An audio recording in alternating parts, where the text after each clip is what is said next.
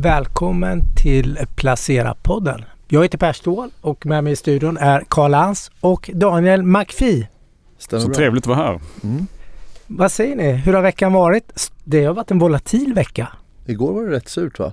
Igår var det ner. Mycket ner. Mycket ner och bara kom in lite rapporter. Fastighetsbolagen har kommit in. Mm. Fabege kom in till exempel. Catena. Diös. Eh, Diös. Fastighetspartner kom mm. tidigare i veckan. Jag tänkte att vi kunde summera första halvåret för första halvåret var fantastiskt bra halvår. Mm. Mm, det som skulle bli så himla kast. Ja, det skulle bli jättedåligt men det blev jättebra. Och USA blev ju en av de bättre regionerna får man säga. Jag summerade fonder, tittade på fonderna och eh, då är det teknikfonder som dominerar vinnarlistan. De vi har pratat med Carl, JP Morgan, deras eh, USA techfond, bästa fond, upp 50 procent i, i, i år, sedan årsskiftet. Vi pratade med dem för ett och ett halvt år sedan när de var blytunga i Meta, vilket de fortfarande är. Och i år har det varit en väldigt bra trade. Eh, så de har varit uthålliga. Men tekniksektorn är den klart bästa sektorn under första kvartalet. Det har ju varit väldigt tematiskt som det brukar vara. Mm, jag skrev ju våran eh, portföljtext där kring de köpvärda aktierna. Då var ju Nasdaq upp 40 såg jag i år. Det är alltså på sex månader. Då var det ändå så att vid, halv, vid halvårs, eller vid årsskiftet ska jag säga, så hade väl alla dömt ut tech helt och hållet. Ja och det är framförallt är det ju stor tech som går bra. Mm. Det är mm. Nasdaq 100 som är dominanten här. Mm. Och särskilt då de allra största bolagen som har dragit eh, marknaden. Ja, och det ser man om man tittar längre ner i listan. Det är stora teknikfonder som har de här stora innehaven som Nvidia, Facebook som har gått bra. Apple har också gått bra. Den var ju upp faktiskt 50 procent första halvåret. Tycker ni det är rimligt eller vad är det som ni tror driver förutom den AI-hypen? Är det att tech plötsligt blev safe heaven när det var liksom, eller när vi fick problem med bankerna eller vad? Alltså vad jag tycker man, man, man reagerar, i alla fall jag reagerade ju lite grann när Meta då, Facebook-ägaren, handlades till P 10 liksom. Det tyckte jag ju var eh, lite väl lågt mm. får jag säga. Sen eh, det är klart att de har ju haft ett aggressivt återköpsprogram här också. Där de har då använt 40 miljarder dollar. Eh, alltså hela kassan då till att återköpa aktier. Eh, så att eh, vi får se hur hållbart det där är. Och då var väl Meta också väldigt uträknat under den perioden. Jag skrev också om, jag skrev om Adnode här i, i veckan och eh, som kom en vinstvarning eh, på grund av att det var en lägre efterfrågan inom byggindustrin och då pratade vi också på redaktionen om Apple 2018 också helt utdömt. Inte för att Adnode är det nu men eh, apropå Meta då så 2018 Apple, alla experter sa att eh, ekosystemet var dött. Eh, men de hade, bolaget förklarade det att det var ju Kina som hade problem med försäljningen och det var lite handelskrig och svagare ekonomi i Kina eh, och problem med iPhone-försäljningen. Och sen, den, sen dess är aktien upp 400% exklusive återköp, exklusive utdelningar. Så att, eh, Kommer Adnord göra samma resa tror du? Där är jag nog lite mer försiktig om jag ska säga. Det, är, det som är lite läskigt där, de har ju lite utmaningar i sitt största segment som heter design management. Man ska säga det att de jobbar med digitalisering av processer inom byggindustrin. Eh, det är arkitekter, konstruktörer, alla möjliga olika yrkesgrupper som använder dem för att effektivisera och förbättra eh, projekten. Eh, de har också lite andra delar som, där de jobbar med, men liksom gemensamt är digitalisering. Eh, men nu har de haft lite problem i sitt största segment som heter Design Management som är ungefär 60% av resultatet. Eh, och fått, haft en lägre efterfrågan där. Eh, och det har gjort att de behövde vinstvara nu. Så ebita gick från 150 till 100 miljoner nu i andra kvartalet. Det som också är lite läskigt tycker jag när man lyssnar på konf-callet för första kvartalet då. Alltså inte andra nu som de inte har haft konferens än för utan det kommer ju nästa vecka så säger de att de har fortsatt stark efterfrågan i princip i alla regioner och att allting går som det ska. Så att det var, frågan är om det har kommit någonting här nu sista månaderna bara som har förändrat det. Sen hade de inte något större flerårsavtal i det här kvartalet heller vilket påverkar resultatet. Så att, men det är väl tvärnit i byggindustrin helt enkelt? Ja och det är väl ingen nyhet. Så att jag menar eh, aktien var rätt högt värderad sen innan men nu har den ju kommit ner 40% sen toppen. Men, eh, De men det är fortfarande plus i år eller? Ja det är plus minus noll om jag minns rätt. Men um, de har ju en extrem historik. Det är en sån här förvaltarfavorit. De har 70% återkommande intäkter. Eh, de har varit lönsamma, haft bra kassaflöden. Eh, de har, haft, de har ju förvärvat mycket så att lite Indutrade-varianten. Eh, och det är digitala bolag, IT-bolag, entreprenörsdrivna. Så att jag satte köp, jag tror att det här kan vara ett bra läge att fånga upp aktien. Sen tror jag att det kommer vara väldigt mycket osäkerhet kommande ja, veckor och kvartal för att man vill gärna se att det här faktiskt reder ut sig. Jag menar efterfrågan i byggindustrin det är ingenting som kommer komma tillbaks kanske nästa kvartal utan vi kanske pratar något år. Men eh, nu har i alla fall aktien kommit ner 40% så att eh, jag tror att det är lägre risk att köpa nu än eh, innan. Så att, eh, men man ska vara försiktig. Är man också ännu lite försiktigare än vad jag kanske är så ska man ju också vänta skulle jag säga till rapporten och se vad de säger. De lyssnar på telefonkonferensen, höra vad vdn, hur konfident han är i de frågor de får från eh, ja, analytiker. Så att, men eh, man måste ju köpa de bra bolagen när de har problem. Eh, och det här är också dessutom ett externt problem ska man ju säga. Det är ingenting som de själva har gjort utan det är en efterfråga en efterfråga-fråga. Så, så, så bottenfiske i Adnode alltså? Ja, botten är det ju kanske inte men... Eh, Men någon form av, eh, vad ska man säga, källarfiske då? Ja, man kan ju börja i alla fall. Eh, man behöver inte köpa allting samtidigt. Eh, och den kan ju säkert gå ner 10-20% till och blir, försvinner efterfrågan på lång sikt så då är det ju såklart ett problem. Men eh, de har ju 10 års historik som är fantastiskt bra. Eh, eller ja, de har ju ännu längre historik. Men om man tittar på det som står i texten som är 10 års historik så har de växt omsättningen och ebita väldigt konsekvent och bra. Och det får man ju ändå säga är väldigt bra.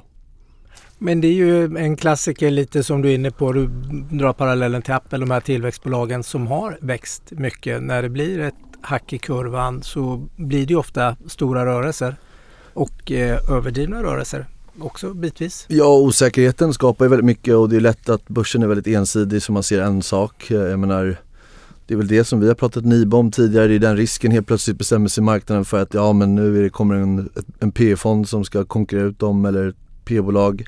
Eh, och då handlar alla på det och sen så titta, börjar förvaltarna titta på värderingen och säga oj det här är P50 och sen så när den karusellen har börjat så fortsätter det och så helt plötsligt är aktien halverad för att det är inte jättebra likviditet. Nej. Eh, och Nej, sen har men du det- folk som blankar Ja. och ja, det snöar ju bara på. Marknaden är ju tematisk och det ser vi. mm, Det tycker jag man ser så tydligt på fondvalen här. För det är energifonderna är absolut sämst och fastighetsfonderna. Nu gick ju fastigheter dåligt i fjol också men det var ju ett supertema året innan. Energifonder var vinnare i fjol under fjolåret och eh, teknik var paria eh, som vi var inne på med Meta och andra bolag då. Så det, det är ju, tenderar ju bli väldigt eh, tematiskt börsen. Både upp och ner. Men det är mycket, vinnarna är ju i alla fall teknik och det är tillväxtbolag nu när man på något sätt fick någon förhoppning om att Fed inte skulle höja räntan så mycket mer. Vi får ju se hur det spelar ut. Men fastighets, de här smala fastighetsfonderna är ju de sämsta fonderna year to date. Eh, de är ner runt 14-15 procent som fast Carnegie fastighetsindex är. Det är inte ner. Läser man tidningarna får man intryck att den är mycket mer. För man tittar på SBB då som är ner någonstans mellan 70 och 80 procent. Det beror på vilken dag man läser av eh, värdet då. Som den är så pass volatil då. Eh, men det är sämsta sektorn. Där vet jag att Karl har varit inne och bottenfiskat Ja, nej, men jag tycker att det är, fastighetsaktier. tycker att det börjar bli lite intressant att eh, du vet ju aldrig var botten är någonstans. Och, eh, vi befinner oss i en eh, höginflationsperiod och eh, någonstans så borde ju fastighet eh, omvärderas. Plus att vi har då tvärnit i byggsektorn. Eh, och någonstans kommer då befintliga bestånden också uppvärderas. Dessutom kommer vi ju nå en räntetopp någon gång ganska snart, förmodligen. Och eh, det som ser så otroligt negativt ut just nu då, det kan ju vändas till att, eh, till att det ser väldigt positivt ut helt enkelt. Men du kör både lite tyska och svenska fastighetsbolag eller du varierar lite där? Eh, ja, jag har köpt lite grann i eh, de här eh, tyska bostadsbolagen då. Eh, som eh, handlas till eh, extrema rabatter då kan man säga till, till, från deras, utifrån deras NAV. Mm. LG Immobilien då framförallt. Eh, som dessutom då ställde in utdelningen så att de kommer ju garanterat inte behöva göra någon nyemission. Liksom. Nej. Eh, Vonovia är kanske lite mer högre risk. Eh, de valde ju inte ställa in utdelningen utan halvera den bara. Och dessutom eh, eh, man kunde välja att få utdelning eller nya aktier då. Mm. Eh, så att där kanske lite högre risk. Eh, Men kanske har, också bättre betalt sen. Ja, kanske, kanske. de har ju tagit, Vonovia var väldigt aggressiva då. De köpte ju bland annat väldigt dyrt i Sverige får man säga. Mm. Victoria Park då bland annat i Malmö och eh, där Carnegie Fastigheter i Stockholm köpte de ju med, till väldiga överpriser och eh, där måste de ju då renovera och det är väldigt dyrt att renovera just nu. Så att, eh, jag vet inte hur bra det är egentligen. Men, eh, men det är ju väldigt rabatt i det så att säga. Eh, annars har jag valt att köpa Wallenstam också. Eh, och det är ju ett bett på eh, Dels är det familjeägt. Det har funnits jättelänge. Eh, hälften av beståndet i eh, bostadsfastigheter och bra lägen. Och varit med länge va? Och varit med länge. Generationsbolag liksom. Um, jag köpte lite Fabege också. Uh, som då äger bra, kommer rapport idag. Som då äger bra uh, kontorsfastigheter, lägen i Stockholm. Uh, så att um, Lite grann har jag köpt i den här sektorn och det jag tycker att personligen då som jag tycker man kan kolla på också det är ju Det är möjligt att det är alldeles för tidigt men även bolag inom, inom byggsektorn om man verkligen vill börja bottenfiska så är det ju till exempel fönstertillverkaren Inwido börjar bli intressant. jag personligen tycker ju att Balco kan vara ett bolag som man kan titta på. Det här är väldigt hög risk då så att säga. Men det är, Skanska? Det är väldigt lågt värderat. Skanska är ju en annan, annan mycket mycket, mycket större bolag då. Men, mm. um, så att ja, nej, men jag tycker det för egen del tycker jag att uh, man kan börja kika på det. För att uh, du får ju kolla då ett, två, kanske tre år framåt. Och någon gång vänder du här liksom. Men Per, du köper inte fastighetsbolag? Nej men det, jag köper ju det här och jag vet ju att eh, aktiemarknaden är så fruktansvärt tematisk. Jag menar när man summerar vi, första halvårets vinnarfonder nästa, i början på juli nästa år. Eh, då kan du ju, det är ju väldigt vanligt att det blir inverterat. Att förlorarlistan blir vinnarlistan och du hittar techbolagen i botten. Det är inte alls förvånad över. Så det, den är ju så pass tematisk och den rör sig ju väldigt tematiskt. Så det är inget konstigt alls. Så det är, jag tror mycket väl, de här, den här listan kan vara omvänd liksom. Här, den var, kan vara helt omvänd. Det var ju samma sak i, tidigare. Det var ju samma det... sak i oktober när du drog det här. Då, mm. då var det ju ingen som ville köpa tech och ingen som framförallt vill köpa amerikansk tech. Nej. Men Så berätta det... varför köper du inte fastigheter?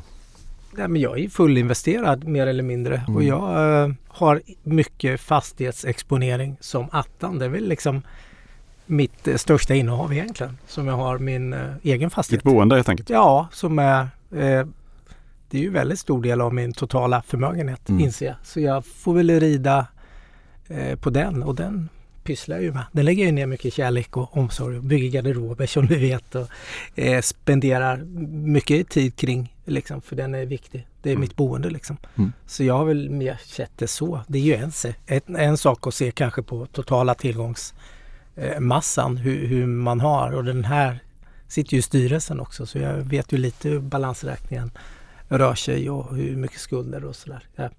Så det är väl lite det så jag har tänkt och mm. sen har jag lämnat fastigheterna. Men jag skulle ju mycket väl kunna köpa en fastighetsfond faktiskt. Ja. De som har gått ner mycket. Låta någon annan göra jobbet så behöver jag inte hålla på och leta bolag själv på, den, eh, på det sättet. Men du får ju de här, det vill köpa lite av varje. Det går att köpa lite index faktiskt nu. Det finns ju en fastighetsindexfond om man vill köpa Carnegie Real Estate. Det är ungefär 30 bolag.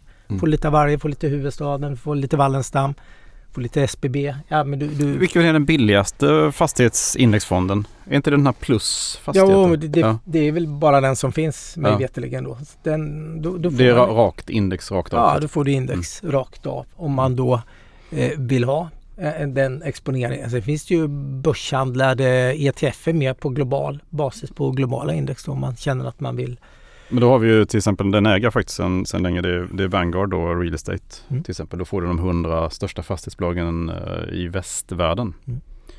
Då är, men då är det ju väldigt dominerat en av amerikanska bolag. Ja, det blir då, mycket... Då är det prologiskt största liksom. Ja. Mm. Och sen finns det de som är globala eh, och då får du med en hel del asiatiska och de i alla fall tidigare när jag tittade på dem senast så var väl den marknaden som har klarat sig eh, bäst i alla fall so far i mm. den här Vet du vem som fyller 35 år i den här veckan då?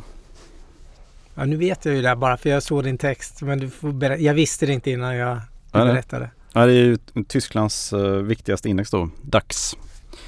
Uh, som har funnits, som startade då första juli uh, 1988. Så, eh, men vet ni hur många bolag som är kvar då sen, eh, sen grundandet? Ingen aning. Många tror jag. Ja, Jag tror inte att det har varit så mm, stort utbyte om du förstår vad jag menar. 12 stycken renodlat kan man säga. Mm. Sen ytterligare ungefär tre då som i, är Mm. där i andra former. Så ungefär hälften är kvar. Mm. Nu är det ju dags 40 då sen, sen eh, två år tillbaka. Det expanderade Det från expanderade. 30 till 40 va? Exakt. Ja. Och det var ju för att få mer dynamik i det då. Men, eh, eh, och det har gett ungefär eh, 16 gånger pengarna sen grundandet. Och det kan ju låta mycket med utdelning också då. Samtidigt är det om du jämför med S&P 500 så har det gett eh, 33 gånger pengarna med utdelningar under samma period. Det är dubbelt upp. Dubbelt upp I Ja. dollar antar jag också då. i dollar precis. Eh, och eh, det intressanta är också om du ser på sammansättning av index så är det i Tyskland är det ungefär samma sammansättning fortfarande som det var 1988 med mycket industribolag. Eh, du har bilindustrin Mm. och kemibolagen. Medans eh, och i USA var det ungefär samma sammansättning för 35 år sedan på S&P 500. Men där har det ju skett en total förändring då med techbolagens intåg till exempel. Eh, Så att eh, man klagar, man klagar lite på det här i tysk media också, eller tysk press, att man, eh, det är inte, man har ingen dynamisk aktiemarknad liksom, på det sättet som man har i USA. Eh, och den st- stora delen, största delen av tysk näringsliv är ju inte börsnoterad. Liksom. Eh, så att, eh, men det kan ändras. Det är ju så att yngre generationerna sparar mycket mer aktier idag än, eh, än vad de äldre gör. Eh, Så att det är möjligt att vi kommer att se en förändring under de kommande 35 åren förhoppningsvis. Vilka är de stora vinnarna på den, på DAXen senaste liksom 15, 20, 35 åren? SAP måste jag Alltså tro det, borde den vara. stora framgångssagan är ju SAP liksom. Mm. Eh, och det var ju, eh, ja det är ju ett då förhållandevis nygrundat bolag. Sen eh, de nya bolagen som har tillkommit, eh, alltså helt nya så att säga, under den här perioden, det är ju, det är faktiskt Bonovia är en del av, är med där. Eh, Zalando till exempel, det. finns ju där. Ehm, men annars är det ju väldigt statiskt liksom. Mm. Ehm, men visst, SAP är ju den stora, stora framgångssagan då kan man säga Mm. på index. Men ja, vi får, får hoppas på att Tyskland blir lite mer dynamiskt helt enkelt. Men jag såg bara som en liten passus till det hela då att eh, Apple-aktien då som har gått, som jag har fått påpekningar om, som då har passerat 3 Biljoner. biljoner är 3 det. biljoner dollar. Bra, nu fick du säga det. Så det blev rätt. Är värt lika mycket som de Men på engelska är trillions. ja, på trillions. Men nu är vi på svenska. Så det är helt Mm. rätt. De är värda lika mycket som de 100 största Mm. tyska bolagen. Bara för att få en ytterligare en liten dimension på hur eh, stort börsvärdet är på Apple. Som du pratar om med S&P som har drivit S&P mångt och mycket under de här, eh, den här 35-årsperioden som det hänvisar till. Och också är S&P's största bolag före Microsoft. Mm. Och Microsoft har också varit med i S&P under den här 35-årsperioden. Men eh, och Microsoft i sig är väl också helt fantastiskt för det är ju det är väl det enda bolag som har funnits kvar decennium efter decennium eh, bland de tio största bolagen i världen. Liksom. Det är en ganska unik prestation faktiskt. Ja, det är värt en egen podd En vid egen podd, ett precis. eget tillfälle. Egna affärer. Ja, det är ju alltid, alltid väldigt spännande. Jag har inte gjort någonting i vanlig ordning, höll jag på att säga. Mm. Men ingenting. Inte ens Wolters Kluwer har du ökat i. Nej, inte nu. Den, är, den positionen är där den är. Den är bergfast kan Ja. man säga. Nej, jag har inte gjort någonting och jag funderade lite nu faktiskt. Jag pratade om det idag på morgonen. Jag fick ju ett månadsbrev igår från en eh, fondförvaltare som vi har haft här och poddat med. Som hade ett innehav som har varit lite så här kittlande på så kallade... Eh, de återköper väldigt mycket aktier. Och det är ett Warren Buffett-bolag. Eh, eller Warren Buffett har varit inne, eller är inne i bolaget då. Autonation, som jag pratat om Just det. eh, som jag tittat på. Då gick det bara sidledes under den perioden och sen köpte jag aldrig, vilket man sannolikt skulle ha gjort. För nu har den tagit ett skutt igen. Så det är väl lite sådär, jag funderar. Det, det, det kittlas lite där. En liten, en liten karamell att suga Mm. på. Vi får se. För den tänkte jag, den kan man ha, den passar min profil. Den kan man ha i 5-6 år och den bör man inte fundera så mycket kring. Men du Karl, vad har du gjort? Du pratar ju just om dina Jag har ju fastighetsköp. redan eh, egentligen dragit mina Ja, fastighetsköp. det- Eh, vad har du gjort då Daniel? Ja, eh, vad har jag gjort? Jag eh, har eh, sålt ner Oj, nu kommer en stor lista här. Ja, långa listan. Nej, faktiskt inte. Men eh, jag har eh, jag handlar ju runt mina positioner där ibland så. Men eh, sålde ner lite lite balder, bara väldigt lite. Eh, jag har köpt Collector som jag skrev om för, förra veckan, köpte jag nu i veckan. Eh, och ja, det är ju krediter som ni vet, mest mot företag i det här fallet. Väldigt lågvärderat men väldigt, väldigt hög risk. Ja. Sen har jag också, vad heter det, mm, jag gick ju rätt hårt mot eh, blankarna där i Hexatronic så att jag tog en alldeles för stor position för mitt eget bästa.